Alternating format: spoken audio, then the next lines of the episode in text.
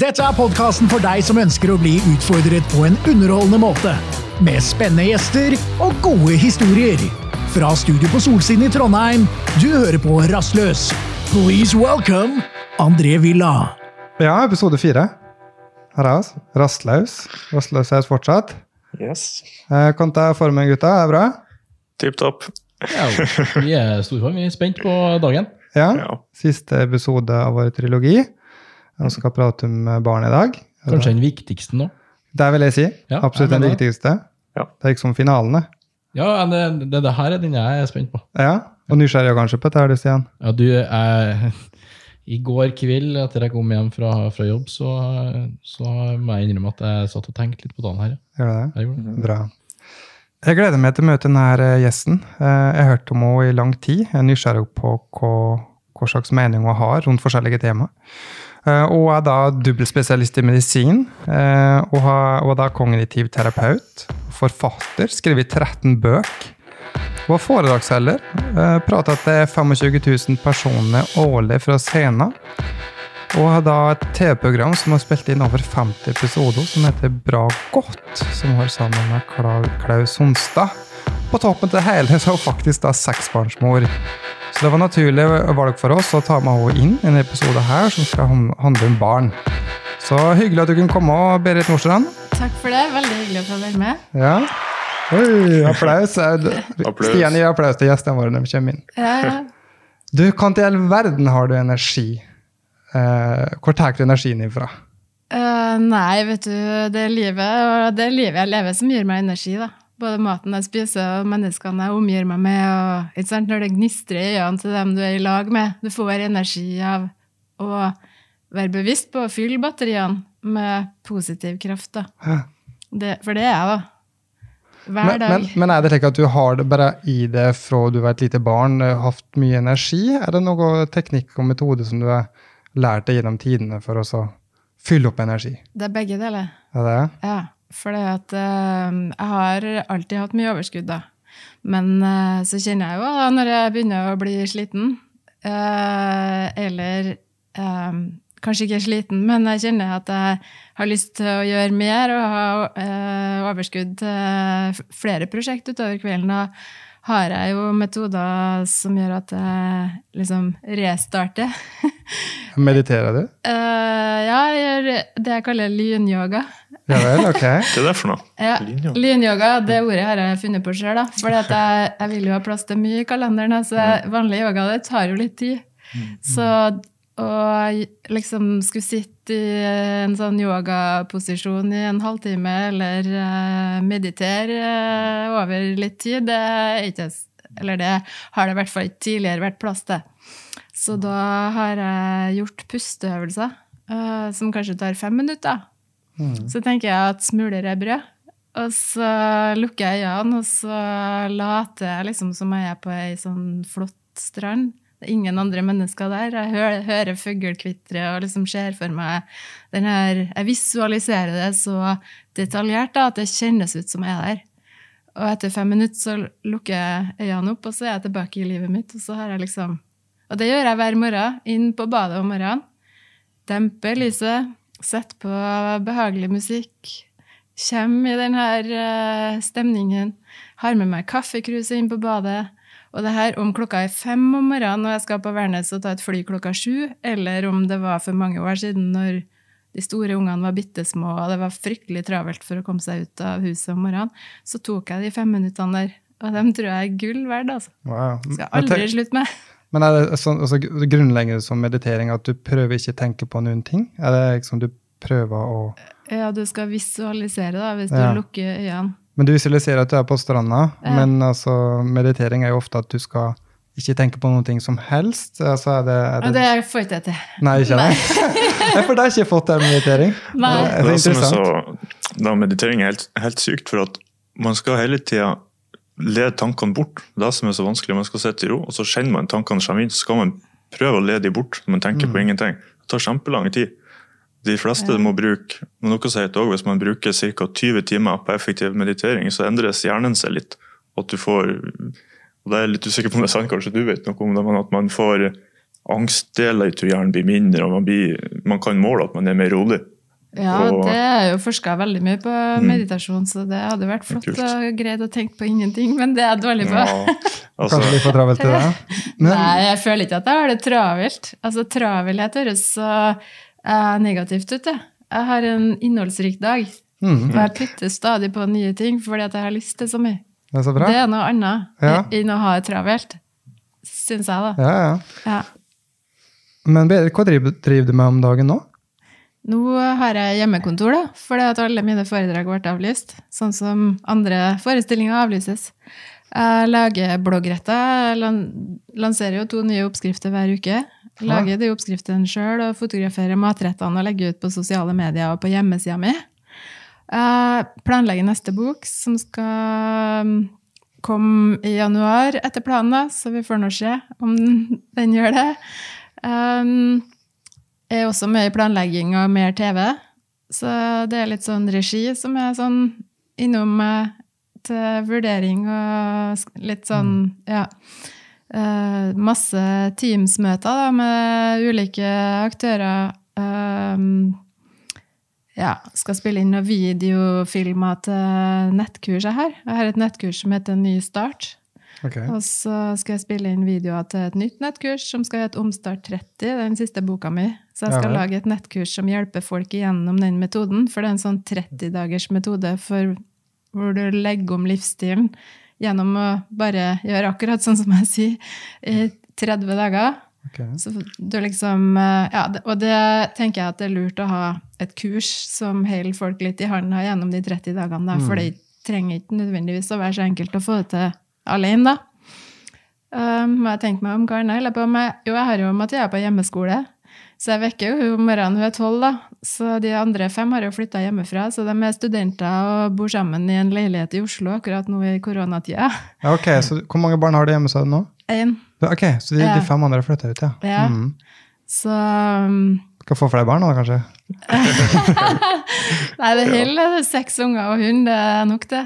Altså, herregud, du har, Det er så sykt mange ting vi kan prate om, og det, du har jo oppnådd utrolig mye. Men hva er det så, hvilke metoder har du brukt for å komme dit du er i dag? Altså, har du noen gode råd du kan gi til metoder for å ambisiøse folk ute der som har lyst til å bli som det, eller ut, utbrette det som Først og fremst, uh, følg lidenskapen din. mm. Ja. For da trenger du ikke så fryktelig mye metoder. Noen Nei. metoder trenger du, men altså ehm, Har du faget du jobber med som lidenskap, så har du mye driven i deg sjøl, da. Ehm, men jeg er veldig strukturert, da, systematisk. Og det tror jeg det var ungene som gjorde meg strukturert og systematisk. For når du har fem småunger samtidig, husk på de er født på sju år, da, fem barn det, det er, Jeg var gravid eller amma hele tida i de sju årene. uh, og det åttende året så ble jeg skilt. Eh, og det krever seg en viss struktur, da, å håndtere den kabalen. Det gjør jo det. Um, og den systematikken og strukturen har jeg bare fortsatt med. Jeg lager meg mye punktlister, og så tar jeg ett og ett punkt. Og det tror jeg er lurt. Å ikke ha sånn langsiktige mål nødvendigvis som du har fokus på hele tida. Jeg har sett deg en femårsplan, et langsiktig mål, men altså bryte opp i delmål. Helt sånn konkrete mål og punktlister som du skal øh, gyve løs på herre uka eller herre måneden. Uh, og, og litt som kognitiv terapeut, ha fokus på trinnvis hvordan kan du komme deg dit. For hvis du har fokus på hindringer i veien fra å få til det som er på punktlista, da kommer du deg aldri av flekken. Nei. Men hvis du har fokus på ok, jeg skal få til det, hvordan i all verden skal jeg få til det?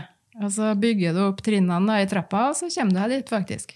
Jeg tror et godt tips det er, Vi snakka litt om det på den første episode, det med dopamin òg. At du får en sånn dopamintrigger hvis du har mål du greier å oppnå. Sant? Hvis du har et mål jeg skal, som tiårsmål, Ja, det vil ikke gi deg noe sånn Det blir ikke så effektivt. nei. Hvis man har mange sånne små, så greier man å følge det opp daglig. Og, Ja. Og så prøver jeg å si til ungene mine òg, de er jo store nå, ikke sant? de er jo født i 91, 93, 95, 96, 98.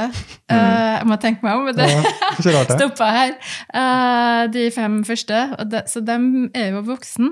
Uh, studerer og har, har det travelt og har fryktelig mye eh, kaos, egentlig. Da. Det er mye stress i et studentliv. Så, så, og skal stake seg ut en kurs sant, i forhold til hva de eh, skal jobbe imot. Og da sier jeg at eh, dere får til det dere vil, og litt til. Ikke sant? Og det er det å prøve å være litt uredd. eh, og tørre å by på seg sjøl, og ikke være i en boks, liksom. Ikke gjøre ting fordi Ikke gjør det fordi du forventer det, men fordi du kjenner inni deg at 'dette her vil jeg søren meg'. Og eh, ja, jeg føler i Norge, eller kanskje ikke bare i Norge, men vi, vi havner så fort i bokser. Og det, det er vanskelig eh, å bryte ut av den boksen. Og det er så mye forventninger om rollemodeller, om hvordan du skal ha familien din. og eh, Har du fem små unger, så bør ungene være i seng sju, halv åtte åtte. liksom. Uh, mine de var med rundt uh, på alt mulig som foregikk seg, og sovna i en uh, bag. Ikke sant? ja, ja, ja, men- Ikke misforstå det. Ja, jeg Nei, skjønner, og det hadde de kjempegodt av. For at uh, jeg kunne bade dem å ha på nattdrakten og pusse tennene og putte dem i biler, og de sovna i bilstolen og sov videre på det greiene jeg var med på og sov på tur hjem igjen. Og de hadde nå bare sovet, dem, under Ja. hele det oppdraget. ikke sant? Uh, og ant fred og ingen fare. Og de tilvente seg egentlig bare å kunne sove i ulike situasjoner. Altså mine har veldig godt sovehjerte. Ja. Men hvis du legger dem ned halv sju i sin egen seng hver dag, uke etter uke, da klarer ikke ungen å sovne noen annen plass, er min teori. da. Ja. Det er i hvert fall min erfaring. Ja. At dess mindre fleksibel du lager ungene, dess mindre fleksibelt blir jo livet ditt. da. Det var veldig interessant. Ja, Da må det vi er faktisk snakke litt om ja, jeg har jo måttet tilpasse mitt liv, fordi at eh, når du har mange små unger, du får ikke gjort noe, sant? og så skal du sitte med hendene i fanget og tenke nei, men jeg er opptatt av trening. Jeg kommer jo meg ikke på trening. Hva skal jeg gjøre da? Jo, da kjøpte jeg inn utstyr, da. Og hadde vekter vekte og pilatesball og treningsmatte på badegulvet. Når du skal bade fem unger, det tar noen timer. Ja, det det. Så jeg har aldri fått trent mer enn den gangen. Altså, da, det, er bare, det handler om å se muligheter mer enn begrensninger. Da. Sant. Du, jeg lurer litt på det her med akkurat seks unger. Det er altså, Jeg hadde sett for meg sånn tre unger er kanskje bra, på en måte. men er det her noe du har tilpassa deg etter hvert? Du har fått noen, og så fått flere og flere? Eller, altså, hvordan har det blitt sånn enderesultat? resultatet? Nei, jeg vet ikke. Det er mange som har spurt meg om det. altså. Hvordan i all verden eh, planla du å få så Mm. mange unger? Eh, men historien viser jo at jeg planla jo ikke Jeg er jo gift og skilt og gift og skilt. Altså, jeg mener, jeg har jo uh, virkelig ikke gått uh, beint fram. Så først så ble jeg jo gift, jeg var gift i ti år og fikk fem barn på, sju, på de første sju. Uh, og så har jeg jo et femårig samboerforhold imellom der, og så på et vis så ble jeg skilt igjen. Uh, og nå har jeg vært gift i 13 år og har en tolvåring. Og nå på et vis klamrer jeg meg fast, da. Bruker kognitiv terapeutiske verktøy, og jeg er så bevisst på at vi skal skape lykke. Mm. For at den lager ikke seg sjøl. og det tror jeg Arnfinn, min mann, er passelig av å høre.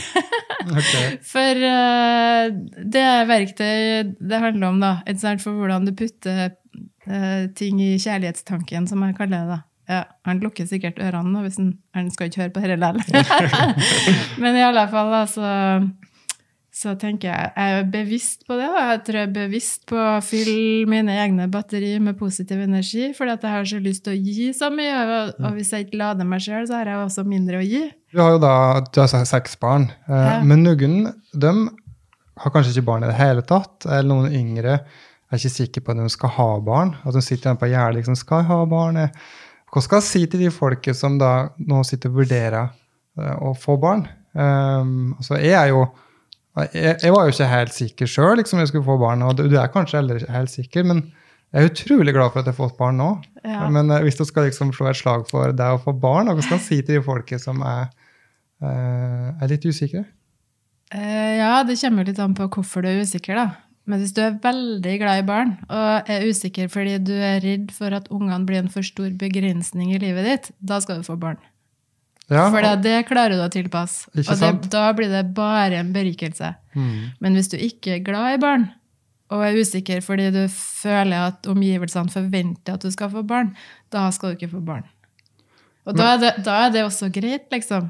For der må vi eh, bli flinkere alle sammen til å ikke reagere på folk som bestemmer seg for å ikke få barn. For hvorfor skal vi reagere på det? Nei, det må jeg respektere. Det- Ja, det må du høre, andre. Nei, men det respekterer jeg. Men ofte så føler jeg liksom at, eh, at de ikke vet hvor bra det faktisk er. da. Ja, det er jeg Eh, veldig enig med deg. Ikke sant? At Ja. de, at de tror at det er slik, men de har sånn feil inntrykk til hva det er faktisk å ha barn. Ja. Eh, Men folk lurer kanskje på altså, hva må være på plass da, for å få barn? Altså, Hva er det som må være på plass for å få barn i tillegg? da? Ja, eh, ja, du må nå, holdt jeg på å si, ha økonomi til å ha barn. Da. Du må ha en plass å bo. Altså, jeg mener, Og verdens største hjerte.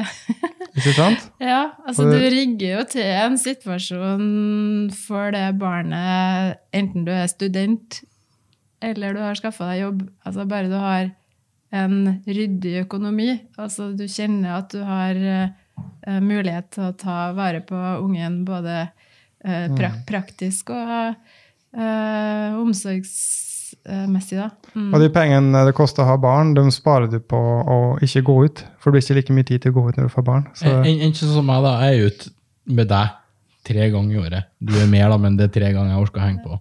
Så jeg bruker jo ikke noe penger der på byen. nei, men bare Felger på bilen koster koster ikke 60 000. Da. Det er ett år, det.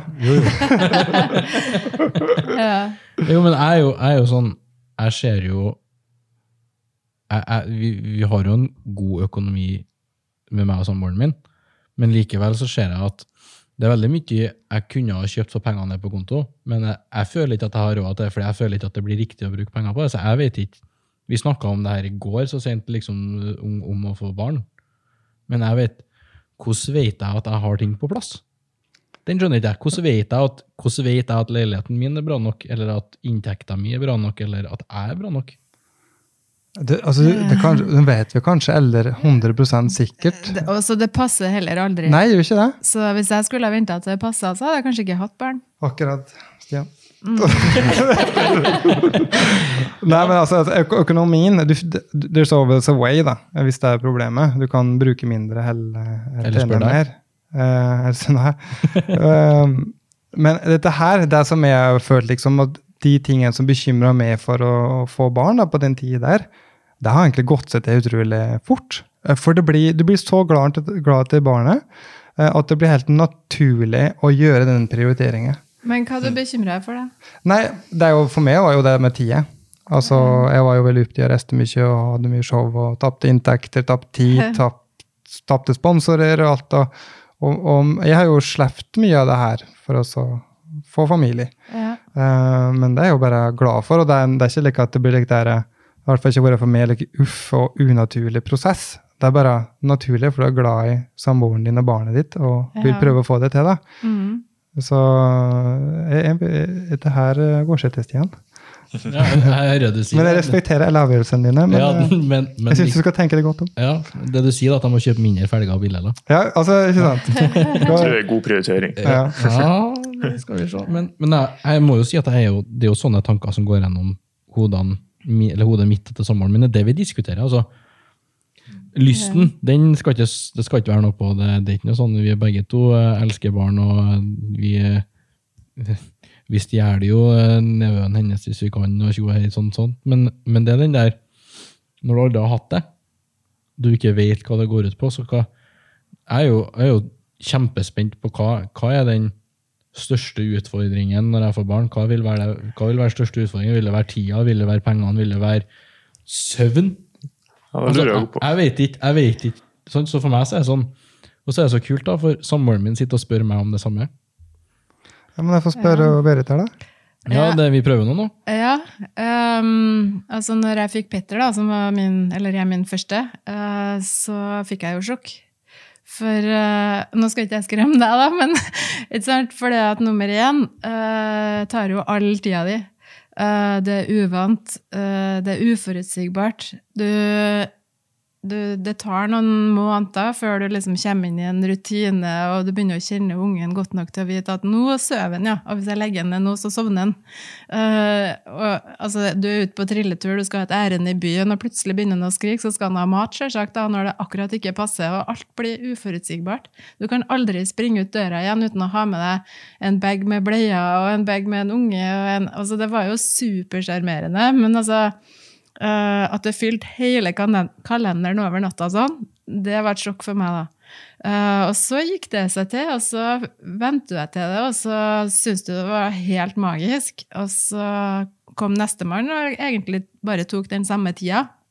Fordi at jeg fikk dem så tett at jeg hadde de samme rutinene. Aha. Og du, du, vet, jeg fikk fem du kunne lese Ole Brumm for.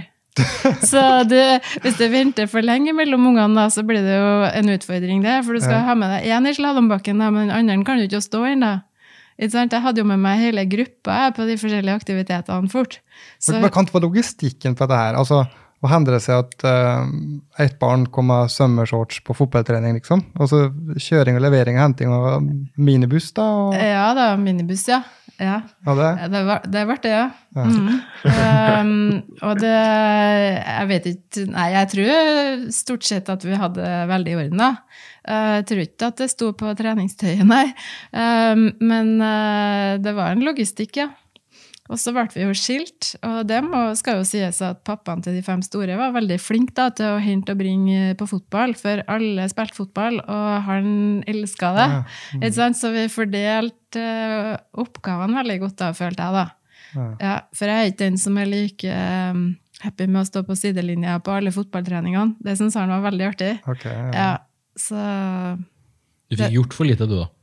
Ja, nei, altså jeg, jeg rett og slett uh, har ikke den samme interessen for fotball heller, da. Nei, det kan Også, være men så skal det sies det at jeg tenker ikke at vi trenger å se på alle treningene heller, da. Uh, vi, er jo så, vi skal være så flinke, vi foreldre i dag, at vi, altså, vi, vi er med ja. ungene på alt. Ja. Så vi står og kikker på treningene til de er ganske så store, de ungene. Og det er jo ikke noe rart vi får det travelt da.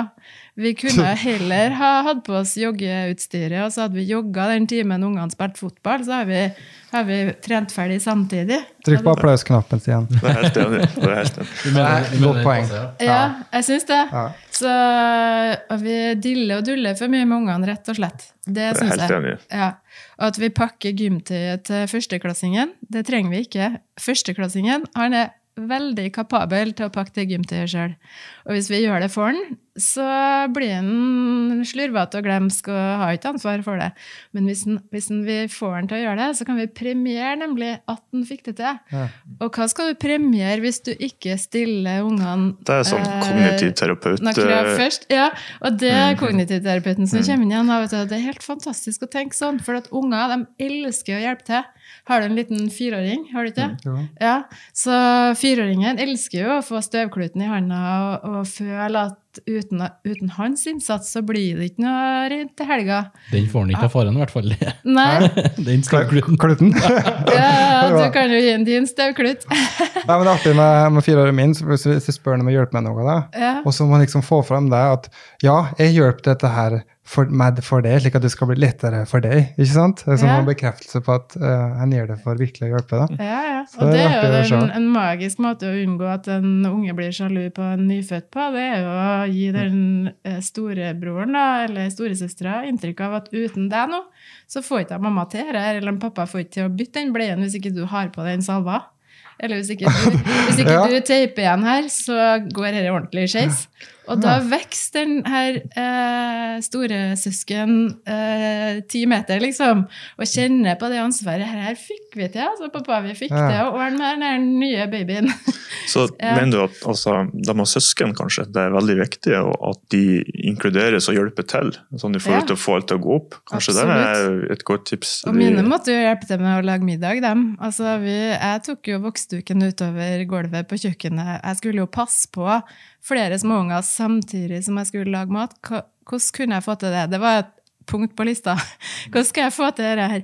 Jo, da må jeg selvsagt ha med grupper i matlaginga, dele ut ulike oppgaver. Noen sitter og river sund salatblad på gulvet, mens noen annen driver og rører i en eh, saus. ikke sant?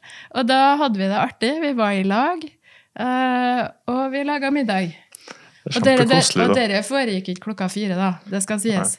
Så for å få til den logistikken, så måtte jeg flytte middagen til kvelds. Ja. Mm. For hvis vi skulle ut da på dans og judo og sånn, så hadde vi jo det travelt. Så da tok vi bare noe lettvint. Vi tok, sier vi tok kveldsmat da, når klokka var fire. ja vel. Det folk flest spiser kveldsmat. da. Det kunne være litt yoghurt og granola, eller det kunne være en banan, og en håndfull nøtter, eller noe, noe superlett. sant? Og så Det er vel ingen som har godt av å trene på full mage uansett. Så jeg flytta om de to måltidene. Og det har ingenting å si for kroppen, da. Skjørt som en eh, som en daglig leder, du delegerte ansvaret og så skjørte på. Ja, ja, det, er, det er smart. Man må nok sikkert gjøre det når man har så mange unger. Altså. Vi hadde det veldig artig. Jeg føler jo at vi var superheldige, at Ja. vi var nødt til å gjøre det sånn. For hvis jeg hadde hatt bare én eller to, så hadde jeg ikke vært nødt til å gjøre det sånn. Så da har antagelig noen leika og underholdt de to ungene, Mm. og rygga med dem, mens noen andre har stått på kjøkkenet og laga mat. Ja. Men, men jeg ser- for meg like, så fem-seks barn på morgenen gjør seg klar til barnehagen, og det fort blir en del kaos. da, Og det er jo sikkert noen som ikke hører etter. Ja. Og jeg kjenner litt på meg sjøl at hvor, altså, hvor, mange ganger skal en si nei liksom, før en skal eventuelt heve røsten eller gi det en konsekvens? Kan ta det, kan ta det vært for dere? Ja, morgenstunda den eh, er det lurt å planlegge på kvelden. Og visualisere sammen med ungene hvordan den morgenen er. Ja vel, ja. Ja, for når uh, ungene skal gå og legge seg, så kan du jo snakke gjennom ok, dette skal på vask, dette kan du bruke i morgen. Hva har du lyst til å ha på deg i morgen? Og så henger du de klærne klar over badekarkanten. Så blir det ikke noe diskusjon om morgenen, da. Hva, for dette har du bestemt sjøl. Her er det du skal ha på deg i dag. Eh, for det første fella folk går i, skal begynne å akkedere på det om morgenen. Det er det jo ikke tida til. Nei. Uh, og så har vi også visualisert hva vi skal spise til frokost. Jeg spør jo er enda når hun legger seg, hva, hva har du lyst på til frokost i morgen? Spør ikke om det om morgenen, da blir det jo travelt, da. Mm. Du snakker gjennom, altså visualiserer, kaller jeg det, situasjonen om kvelden. Så ungene kan legge seg med et smil om munnen og tenke på hva de skal ha på seg, til og med, for det har du også blitt enig med dem om, og hva de kan glede seg til til frokost, for du ble enig om at omelett skulle de få. Ja. Eller, jeg vet ikke, havregrøt, eller hva de hadde lyst på da. Interessant, Marius. Nok en gang så møter vi personer som har utreda mye. som har Visualisering, hvor utrolig viktig det er eh, blant folk. Det er gjentagende måte å nå målene sine. Ja. Um, Og så kan det bli trøbbel likevel, da. Og da hadde jeg en trøbbelbok. Okay. Eller en huffebok, som vi kalte det da.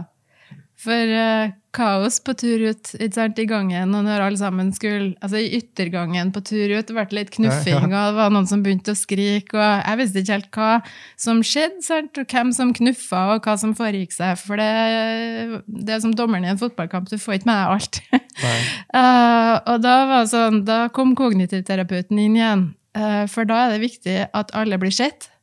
At den som skriker og er lei seg, får oppmerksomhet på det. Og at den som har gjort noe galt, heller ikke slipper unna, da, men får oppmerksomhet på at dette var ikke bra. Vi har ikke tida til å snakke om det, for det at klokka går og jobben begynner snart. Hva gjør vi da? Jo, da noterer vi det i huffeboken. Ja. Og den ligger i gangen på tur ut. Ikke Ja. sant? To-tre ord bare. Her snakker vi om. Eh, Wow. skjønner du, Når vi kommer tilbake igjen i, i ettermiddag, og ikke på en dårlig måte, men eh, en sånn huffetime, som jeg valgte å kalle den timen, da, det vi, kunne vi jo ha hver ettermiddag en periode når ungene var små, for da er tidsperspektivet veldig kort. Men etter hvert som de ble litt større, så hadde vi en huffetime i uka. Nå kan vi ha en huffetime i måneden sant? når ungene er voksne. Vi har ikke noen flere huffetimer nå, men Ja, men i fø- Fører du mannen din inn i den Han er med i? Huffe... Ja, han, eh, han er gift med nå. Han, han eh, måtte jo han, altså, han måtte jo få sjokk når han flytta inn i alle de rare metodene. Det det. ja, nei da, men eh, nå har ikke vi noe med huffetimer. Uh, har ikke vi. Det var mest når ungene var Ja, si de gikk på barneskolen, da. Så, men det fungerer, fordi at du setter av en tid hvor alle sammen er opplagt. Huffetime tok vi kunne vi ta rett etter middagen. Uh, for eksempel, eh, si det var torsdagene klokka sju, da, at vi satte oss ned. Vi hadde noe godt på bordet, vi kosa oss. Det skulle ikke være en sånn rettssak. Dette her er spennende, spennende. Se, nå åpner vi Huffeboken, så ser vi hva som Det er et kanontips. Det her skal jeg ta med meg i forhold. Altså, for at det er ikke alltid man har tid å diskutere ting. Og så er det jo de med barn, og de må bli sett og bli hørt. og alt det her. Det er jo Ja. kjempeviktig. Ja. Kognitivt, Jeg har lest masse om det. Og så det er kjempeartig. Men tingen er at eh, innser jo nå at det her er veldig brukbart i forhold. Sant? Alt altså gjelder mot et barn. liksom, La det bli sett og hørt. og, og så... um, hva er det dere kaller det, kognitive te- terapeuter? sånn der, Møt følelsene. ikke det heter? Ja. At du sier at det er greit at du er sint, mm. og så møt de uansett, og godta de og så bare være helt åpen. Alt det her er jo egentlig som en parterapeut, nesten. Så du kan Ja. nesten bruke det her som parterapitriks òg. Det er kjempegode tips vi får her nå. Ja, absolutt. Det inspirerer faktisk meg til fanda flere. Ja. For huffebok hjemme. For, for det det som skjer, da, det er jo at ungene er med på laget. Ikke sant? Når du drøfter det som foregår seg med ungene sånn i en gruppe, så føler de da øh, til øh, Hva heter det? Altså, de, de er med, Inkludert. Ja, de er inkludert i en slags vurdering, og de foreslår løsninger. Mm. Sånn at eh, når de da har foreslått at ok, for å unngå sånn knuffing i gangen, så kan vi kanskje gå ut to og to. Mm. Det kunne de ha foreslått, da. Eller det var eh, et annet eksempel som jeg syns var rørende, var jo at Anna, da, som er eh, datter nummer tre, altså barn nummer fire, Mm. hun tok opp i en sånn huffetime, husker jeg en gang, og da var det så tårene pressa på til meg, da. Uh, at hun følte at da Ingrid og Live, da, som var de to større søstrene, var mer glad i hverandre. Skjønner du? Okay. Enn Innen de var i hun. Og det klarte hun å si rundt bordet i en sånn Hun meldte inn som huffesak, liksom. Skjønner du? Og når vi når, og, og når alle sammen da på tur skulle foreslå, for vi har en sånn pinne da, vi holder i huffetimen, og vi snakker en og en, og vi kommer med hyggelige forslag, ikke, Mm. ikke, ikke umotivert kritikk, liksom. Så kom det et forslag fra Jeg husker ikke om det var Ingrid eller Live, da, men de foreslo dem Eh, For de ble lei seg, dem òg. For de hadde ikke sett at Anna følte seg mindre sett, hvis du skjønner. Eh, at de eh, skulle passe på at de sa at de var glad i henne, i hvert fall én gang hver dag.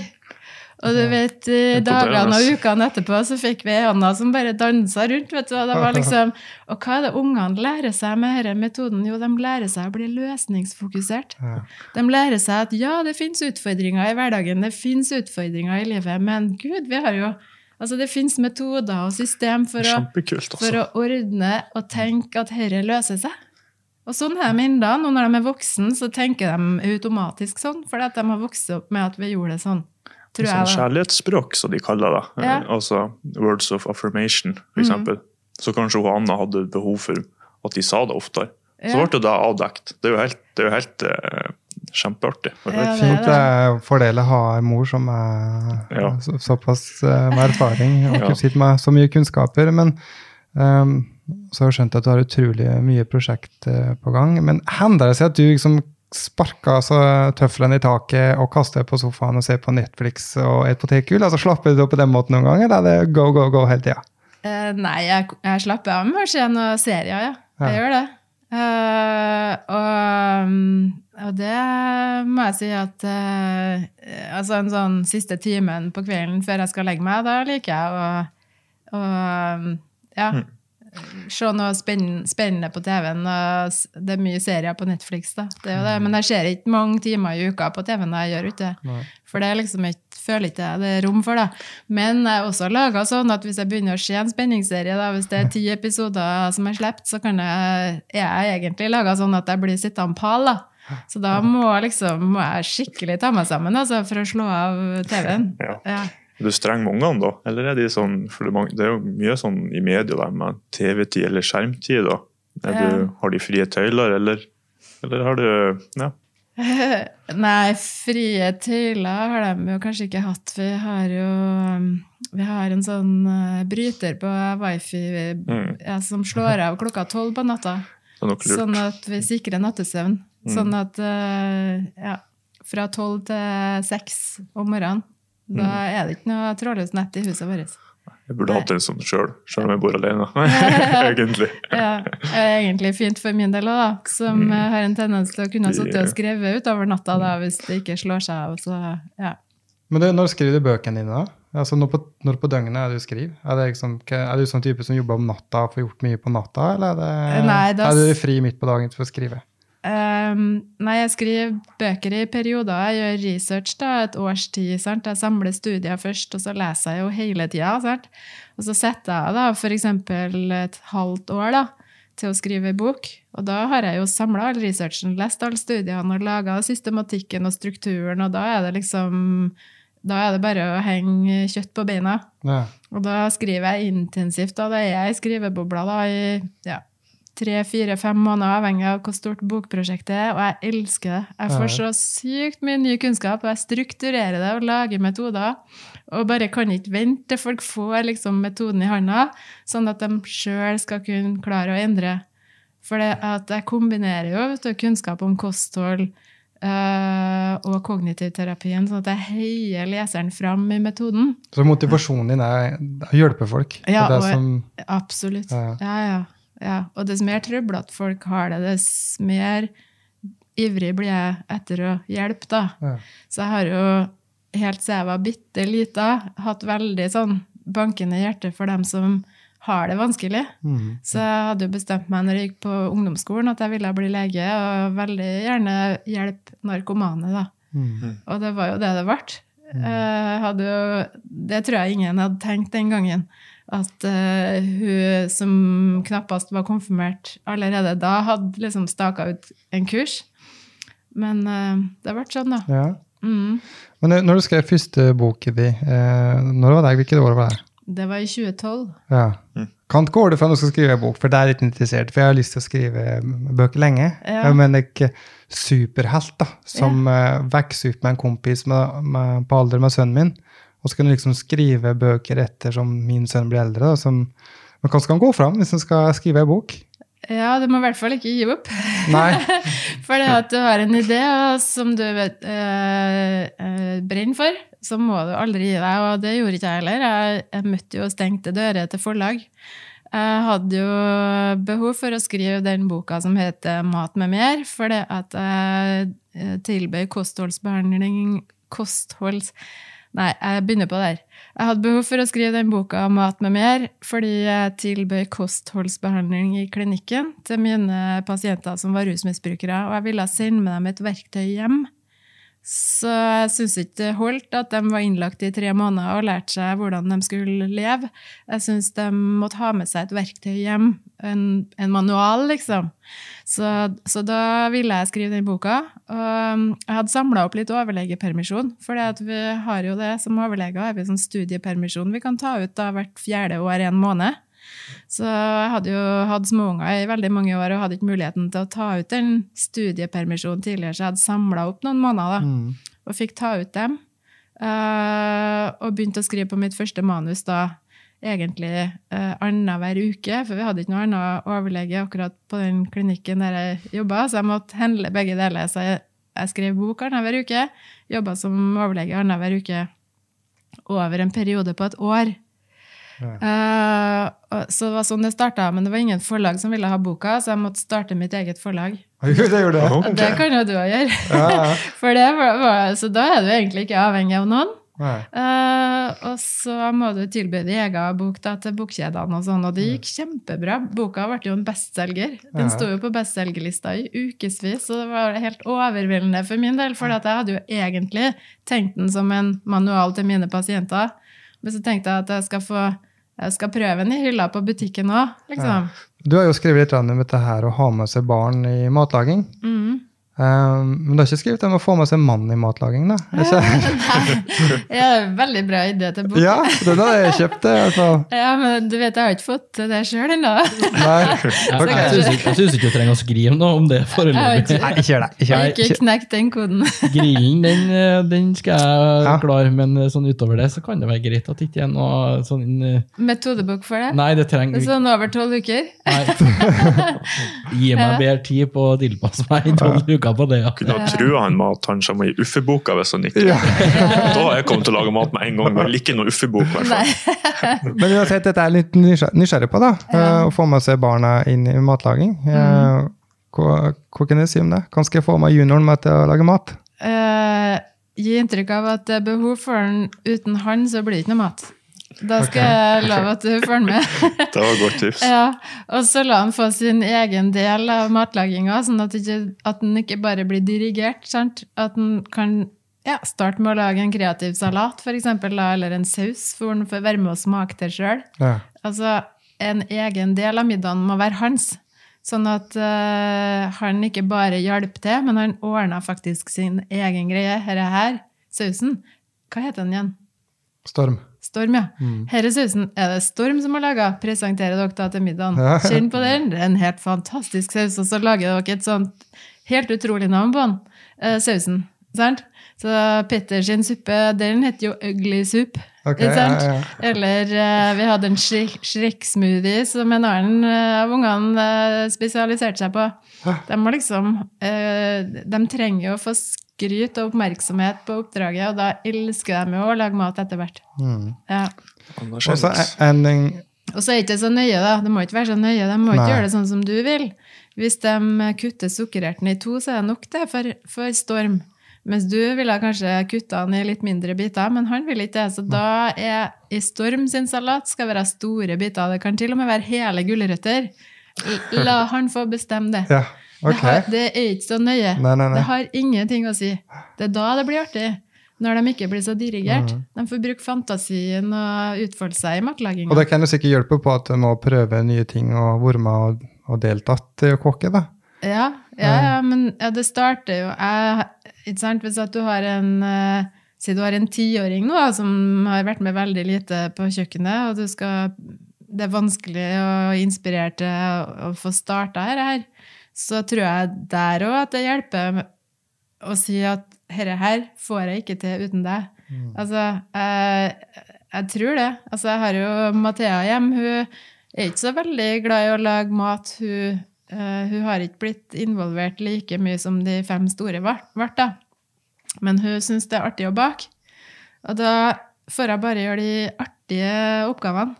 Så hun må selvsagt slippe å vaske opp. Ja. Så hun kan synes det er artig å bake, eksempel, og alt det kjedelige gjør jeg. Ja. Skal hjelpe til å lage middag, så må jeg slippe å skrelle poteten. Ja, En storm står i oppvasken, det er nesten gjør noe, egentlig. Ja, jeg synes Altså, den er artig, ja. Nei, ikke noe Han, han gjør bare det du syns er kjedelig. ja. Nei, la dem få gjøre det artige. Jeg skjønner. Ja. Men det kan, altså, eh, det kan jo være at ungene er litt sære på smak og leke ting, og er skeptiske til å prøve nye smaker. Ja, du, det har jeg prøvd. Ja, jeg har jeg har laget et sånn eh, system, men det er ikke bare for å prøve nye smaker. Det er liksom om, om du skal kle på deg klærne sjøl, om du gjør forskjellige ting, da, og så har du ikke klistremerkehjerter. Ja. Og så har du liksom, Hvis du får fem av den da, innenfor den kategorien, så får du liksom 50-100 kroner. Ja, Så går du på butikken, og så lærer du liksom hvor mye krona er verdt. ja. Eh, eller du skal spare og kjøpe noe større like ting. da. Men jeg kan ikke drive med det klistremerkeboka i evigheter. Har du noen andre tips eh, til kanten skal få dem til å prøve eh, nye smaker på? Ja, det er det. Du kan eh, ha gode sauser på. Altså, Ja. Hvis en ikke liker grønnsaker, f.eks. la han få sjokoladesaus på, på, brokkolien. Det har ingenting å si. Okay. Bare eh, en kommer over terskelen med å smake brokkoli. Det er jo ikke at du skal ha sjokoladesaus på all maten i det videre, men hvis en er redd for å smake nye ting, da, så la han ha smelta smør på altså ostegratiner. Altså, ha, du kjenner en saus en liker. Ketsjup, for eksempel, liker jo ungene. La han få ketsjup på de tingene der, selv om du ikke syns det passer. Så det, så det er en annen metode, da. Og så en tredje metode er eh, dra oppmerksomheten vekk. Og der kommer kognitivterapeuten inn igjen. Lese en historie ved matbordet. Og når det er på det mest spennende, så introduserer du brokkolien. ja. For at han følger med på historien. Altså det er fokus vekk. Og da er det til og med lov, og det er ikke noe ofte lov, men akkurat idet du har en unge som er veldig sær på smaken, så kan det til og med være lov, akkurat når du holder på å tilvenne en ny smak, å la ungen få se en film. Ok. For da er fokus i hvert fall bort. Mm. Ja. At, at en får se den filmen hvis man prøver, eller at den er der, at den fokuserer I- Underveis, jeg sier ikke at du skal sitte og se på TV når du spiser, mm. men det her er de aller vanskeligste uh, tilfellene hvor det fortoner seg helt umulig å få i en unge en grønnsak. Så er det sånn at uh, um, filmen er på mens han spiser grønnsaker, sånn at du får fokuset vekk ifra det at han spiser en grønnsak, og da ubevisst kan en da få denne brokkolien i munnen, og så kjenner han at det var kanskje ikke så farlig. Kan, kan skape matglede i en familie, og så har jeg vært litt inne på det, men uh, kan, kan, skal gjøre det? Hva er tipset ditt her? Ja, det er jo et stort spørsmål. Jeg. Men uh, jeg tror jo mye handler om samhandling. Ikke sant? La, la det bli et familieprosjekt å skape den matgleden, da. Sånn at ikke eh, alt blir ferdig servert, men at både store og små unger og er med og legger planen for hva vi skal prøve å få laga denne uka her. Og da, det har vi gjort gjennom at vi har ei eh, krittavle på kjøkkenveggen. Og mens alle bodde hjemme, så fikk de velge seg en middag i uka. Ja. Og, og det dekket jo mer enn ei uke til oss, da, for vi var jo åtte. ikke sant? Uh, og det, da oppnår du flere ting. Da oppnår du både at de får være med å bestemme eh, menyen, eh, men, og, og da oppnår du mer matglede. Men så oppnår du også, når du har den tavla hengende på kjøkkenveggen, at oi, skal vi ha fårikål på torsdag? Det, det gleder jeg meg til. Skjønner Du Du har en forutsigbarhet i denne matplanen som gjør at du også kan glede deg til den ukesmenyen du har laga. Det òg syns jeg er fint, da. Og så må du selvsagt være med å bestemme litt, da, for det må jo være to fiskemåltid fra mandag til fredag der. Så, så det er jo ikke fritt valg i basaren, liksom. Det kan ikke være pannekake og grøt gjennom sju dager. Eh, du, jeg må bare bryte inn. Marius, eh, og så sitter jeg lenge, eh, og så har utrolig mye mer å soge til å prate med deg om, Berit, og spesielt dette på kosthold. Nå har jo temaet vært her om familie. Så ønsker jeg at du oss bare fortsetter å prate, og avslutter en episode her. Og så vil da neste episode òg være med det, med kosthold. Kan du være så snill å prate litt mer med oss om dette her? Ja, du, utrolig hyggelig. Jeg Ja. kunne jo sittet og snakka hele natta. Ja, ja så bra. Det blir nok det. Ja, det blir, blir fort en låt, for nå er klokka halv elleve. Eh, Så da, men oss må jo ikke glemme redskapskassa. Nei, men der har jeg en ting, eh, dessverre, før du går dit. For, for når, når lytterne får denne episoden, Ja. da har jo vi kommet, for din del, litt nærmere 40. Ah. Er det bursdag? Jaså, ja. I morgen! I morgen! Ja, ja, ja. Skal være, skal være en hemmelighet, eller? Jeg har bursdag i morgen. Jeg blir 24 år. Eh, Gratulerer til meg. Yes. Da, jeg, jeg vil i hvert fall ta tida til å si eh, gratulerer med dagen i morgen. Ja, Eh, jeg er glad i deg. Det her gjør du bra. Takk for det, Stian. Glad til det òg. Runde med gratulerer med greier. dagen, ja. Gratulerer. Ja. Du har sagt du var 24, men ok. Ja, jeg pleier å si det. Men det er faktisk ikke det. Biologisk Jeg er alder. 38 år i morgen. In your face. Ja. Gamle kar. Men eh, det er klart 38 år, men jeg er òg til å helle med sunn så lenge som mulig. Du vet, du kan bare gjette på hvilken biologisk alder du har, da. Ja, For du har jo brems- bremsa den i 40 år, har du ikke? Jo. Spist bra. Ja da, men jeg vil gjerne ete enda bedre. Så nå, Ja. nå avslutter vi denne podkasten her. Si takk. Slipper løs redskapskassa. Welcome to the Toolbox, where we're going to show you how to use your tools correctly. Like we say in America, you can lead a horse to water, but you can't force him to drink it. Ja, Marius, du har forberedt noe til redskapskassa i dag. Ja, jeg har det. Vi, vi skal jo ha en, den siste Din episoden. luring. Ja, litt lur, så. Nei, vi, vi skal jo ha den episoden Nei. Unnskyld, jeg kan ikke ha med deg. Kan jeg ta på Nei, jeg vet det. jeg tenkte, vi skulle- tenkte vi skulle bare, bare for å Ja, det var min feil. Hei, alle sammen. Jeg heter Marius Jørgen. Nei, du må ikke begynne med den der Ereksjonssøkende. Uh, eventyrlysten. Det er jobbintervjuet, vet du. Hvor snakker de sånn her? Sandefjord? Har du lagra det? Sandefjord, jeg tror, da, da tror jeg ikke Stamp helt 100% Ok. Eh, ja, Marius, du har forberedt noe til redskapskassa i dag. Ja.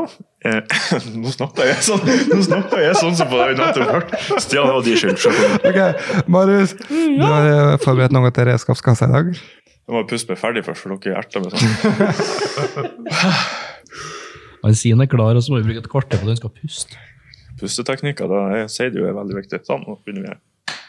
Yes. Da skal vi gå fort gjennom tre tips som er basert på det forskerne er ganske enige om er veldig viktige hjørnesteiner i, i oppvekst og rett type oppvekst. Det er grensesetting, ros og straff. Hvis vi begynner med grenser, så er det utrolig viktig å kommunisere til barna hvor grensen går, og kanskje hvorfor eh, det er grensen. Og når de da bryter den, så kommer vi til tips nummer to, som er straff. Barna trenger en veldig veldig sånn logisk reaksjon i forhold til når de bryter en regel. Så sykler de uten hjelm, så kan det kanskje være lurt å ta bort privilegiet for å sykle i kanskje noen dager, f.eks. Og straffereaksjonen må være avtalt på forhånd. Det er utrolig viktig. Og å kommunisere hele veien da, med barnet. Og så Den siste er ros. Det er kanskje det beste verktøyet for å få ønska atferd, så du kan si. Du oppmuntrer de til å ha god atferd, og du gir en effektiv type ros når de gjør noe rett. Det må være konkret. Må da. Ja, jeg synes imponerende at det er en som ikke har eh, barn ennå. Det er jo tydeligvis eh, gravd mye der. Og det er jo, Ja. det er jo det, mye det du sier, da. Det, Ja. er, det er veldig vanskelig å utfordre nå, det er med grenser og hva som straffe skal være. Jeg er imponert av hva Marius sa, men, eh, men Marius, de, de tipsene der Jeg lurer på, Er det sånn at for Raken sin del at, at hun kan bruke det både på Storm og André, tror du? Jeg tror han André trenger grensesetting Ja, lurer på på- arbeidstid. Ja. Du, det er jo ikke noe problem å sette grenser der, altså. Nei, det, det tror jeg på. Utfordringa ligger med han som skal overholde grensene. Så André, vi er litt eh, interessert i hvordan foreldrestil er du sjøl, eller føler du er da? Um, jo, um, jeg er jo en person som ønsker å være involvert så mye som mulig. Um, bryr meg, være delaktig, um, legge til rette for mye aktivitet. Uh, uh, jeg prøver virkelig, altså Min viktigste oppgave i dag er å være en god far. Um, jeg vet ikke akkurat hva det type far jeg skal være. Jeg vet ikke hvordan det er fyr av far, egentlig. Det er ikke, Nei, jeg, jeg, tror nok, jeg tror nok du har rett i at du, du prøver å legge til rette, men, men Marius snakka jo om, om ettergivende som en, en foreldretype. Men jeg vet ikke om det er ettergivende du blir, fordi, fordi da er jo utgangspunktet at ungen får det som han vil. Men til deg så får Ja. han jo gjerne han, han kan få ting før han vet han vil ha det. Ja, altså, kanskje, men Kanskje du er altså, den typen Det er jo to typer som er veldig engasjert. Det er jo både Eller alle kan være det. Men du, så spørsmålet da, det kommer an på om du er flink til å håndheve regler. For det er det som blir skillet da mellom ettergiven eller myndig. Ja, nei, jeg, jeg, jeg sier tydelig fra, ja. Eh, det gjør jeg. og det er liksom nok er nok. Eh, og der er en grense som vi pratet tidligere med Berit, at eh, det er vanskelig å vite akkurat hva, hva streng jeg skal være, og hva, hvilke konsekvenser jeg skal bruke. Så eh, jeg blir ikke pusha rundt, det er jeg absolutt ikke. Eh, så jeg, nok, jeg sier fra hardere enn orakel. Orakel drar det litt lenger, faktisk. Men, men har du det fra far din? Eller Mm. Far min var like der eh, stille padde som eksploderte plutselig. padde? Det var faktisk ganske godt sagt. Ja, så, så hen, eh, men også er jo nok fryktelig forskjellige fedre. Det er også, hen eh, Men er det med hensikt? He, Kanskje Altså, hvem vet? Kanskje prøve å være Jeg vet ikke. Jeg, Prøver, du, prøver du å gå en annen vei enn det, enn det din far gjør? ja, det kan jeg Sånn- godt gjøre, men husk da at far min da, han fikk meg når jeg var 21, utrolig ung. Og så, og så var jo da Dette er jo en eh, annen generasjon, kan jeg si, og på den tida der så var det ikke så normalt at eh, spesielt fedrene var involvert i, i oppveksten. da. Og han kanskje en- òg enda mindre, for han hadde jo fryktelig fokus på sine prosjekt. Eh, hadde en enorm drive inni seg. Eh, så, så, så det var jo Jeg er jo til- tilgitt den for at han ikke har vært der så, så mye som han kanskje kunne vært. da. Eh, for jeg har jo den driven sjøl òg. Men det var, handla kanskje om at ikke visste bedre. Og, så jeg var jo på fleste crossløp og like ting sjøl. Ikke at den eldre var med, men jeg var jo med folk i klubben og like ting på crossløp og måtte styre og ordne meg sjøl. Og, eh, og så var det jo det var, altså det, På den tida der så begynte jeg å jobbe ung. da. Begynte 14-åring og 15-åring. hadde jo jeg bodde hjemme, da, men hadde noe Egen økonomi, på en måte. Uh, Jobba utrolig mye som ung gutt. Så jeg hadde jo crosskarriere, skole og jobben. Og da etter Når jeg fikk lappen på moped, da, så etter skolen så kjørte jeg jo da bort og hadde ansvaret for vedlikehold til 16 crossykler. Uh, og jobba der til ofte 11-12 uh, store deler av året. Og så attendet da. Uh, og så kjørte jeg da crosskarrieren min, og hvis jeg fikk disponere en sykkel, låne en sykkel, og de delene jeg da tok, ble plukka fra timeslista mi. Uh, så er det jo skutt med, vin altså med vinkel, vinkelsliper på dekket mine og like ting, for å få mest, mest ut av dem. Uh, og da, men, men jeg er glad for det i ettertid. For jeg vet nå hvor mye krona er verdt. da. Jeg vet at du må jobbe for skillingene dine. For det, det, var jo mange eksempler på andre som sto i, på crossløp med to kliss nye sykler og fikk alt i hendene hele tida.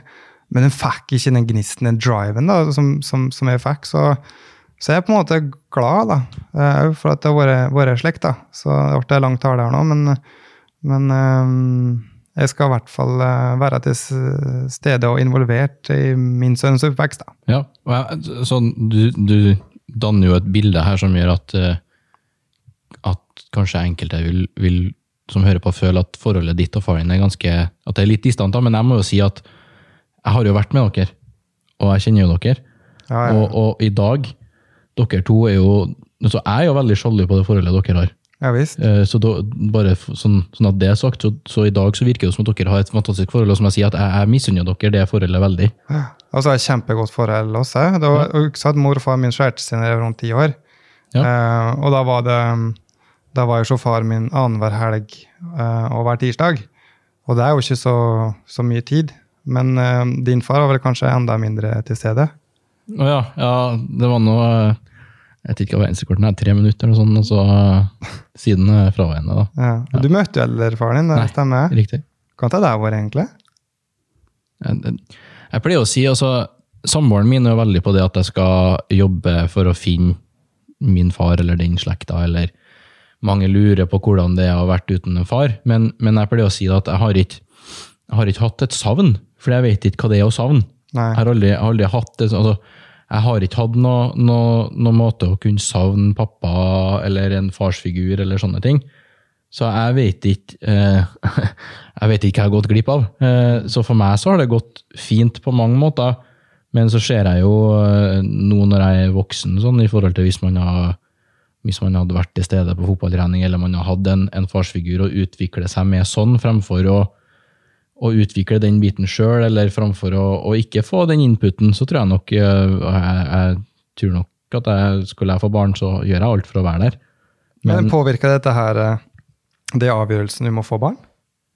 Ja, på mange måter. Eh, fordi jeg har, eh, jeg har en utfordring hvor at jeg ønsker å med, med Der jeg er i dag, så har jeg et ønske om å være best mulig far.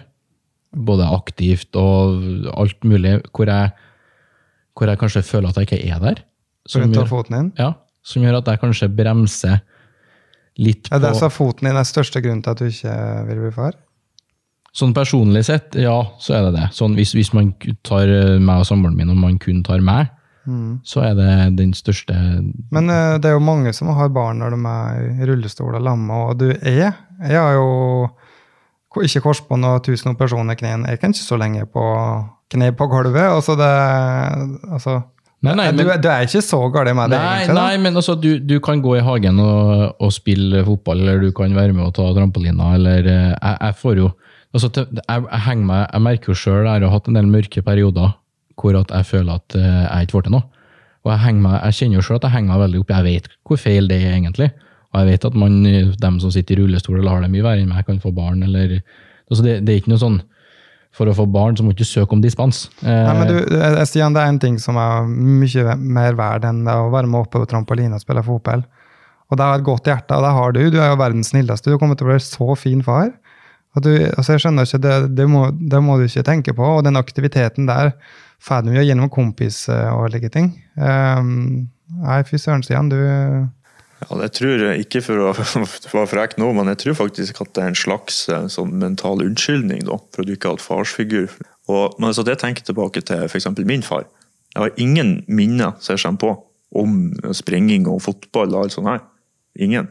Eh, Ting jeg husker, eller ting som har forma på en måte mine personlighetsegenskaper. Det handler om diskusjoner og kommunikasjon vi har hatt. Og la oss si ting han har gjort. F.eks. hjelpa meg med ting, hjelpa meg å pusse opp de første eiendommene jeg kjøpt, og vært til stede på treninger og sånn. og graderinger og kampsport og alt sånt. her. Det der er jo ting man ikke trenger. Man kunne vært i rullestol. Og for den Det er jo det som er det støtte der som er viktigst. Altså. ja, mental støtte og veiledning. Ja. Ja, Duggsøk hva Berit sa at nå er eldre føler seg eldre helt klar. Nei. En, en- men det er utrolig hva det går seg til, altså. Eh, den avslutninga jeg venta til Marius var ferdig med å snakke. Utfordring to her er at ingen vet noe om foten min ennå. Ja. Eh, og avslutningsvis vil jeg si at dere kan høre mer om foten til Stian. På andrevilla.com. Stian sin fot. Slash eh, Hva er egentlig gærent med Stian sin fot? Ja. Det er julekalender. Og Marius skråstrek Benny eh, leter for Ok, ta opp da. Skal vi se her. Her på Torpet. Ah, det er det, ja. Ja. Vi skulle, Sprenge jeg, jeg, snart. nei, jeg, trodde, jeg prøvde å gi deg en avslutning helt til å begynne med her. Ja, det er bra, det.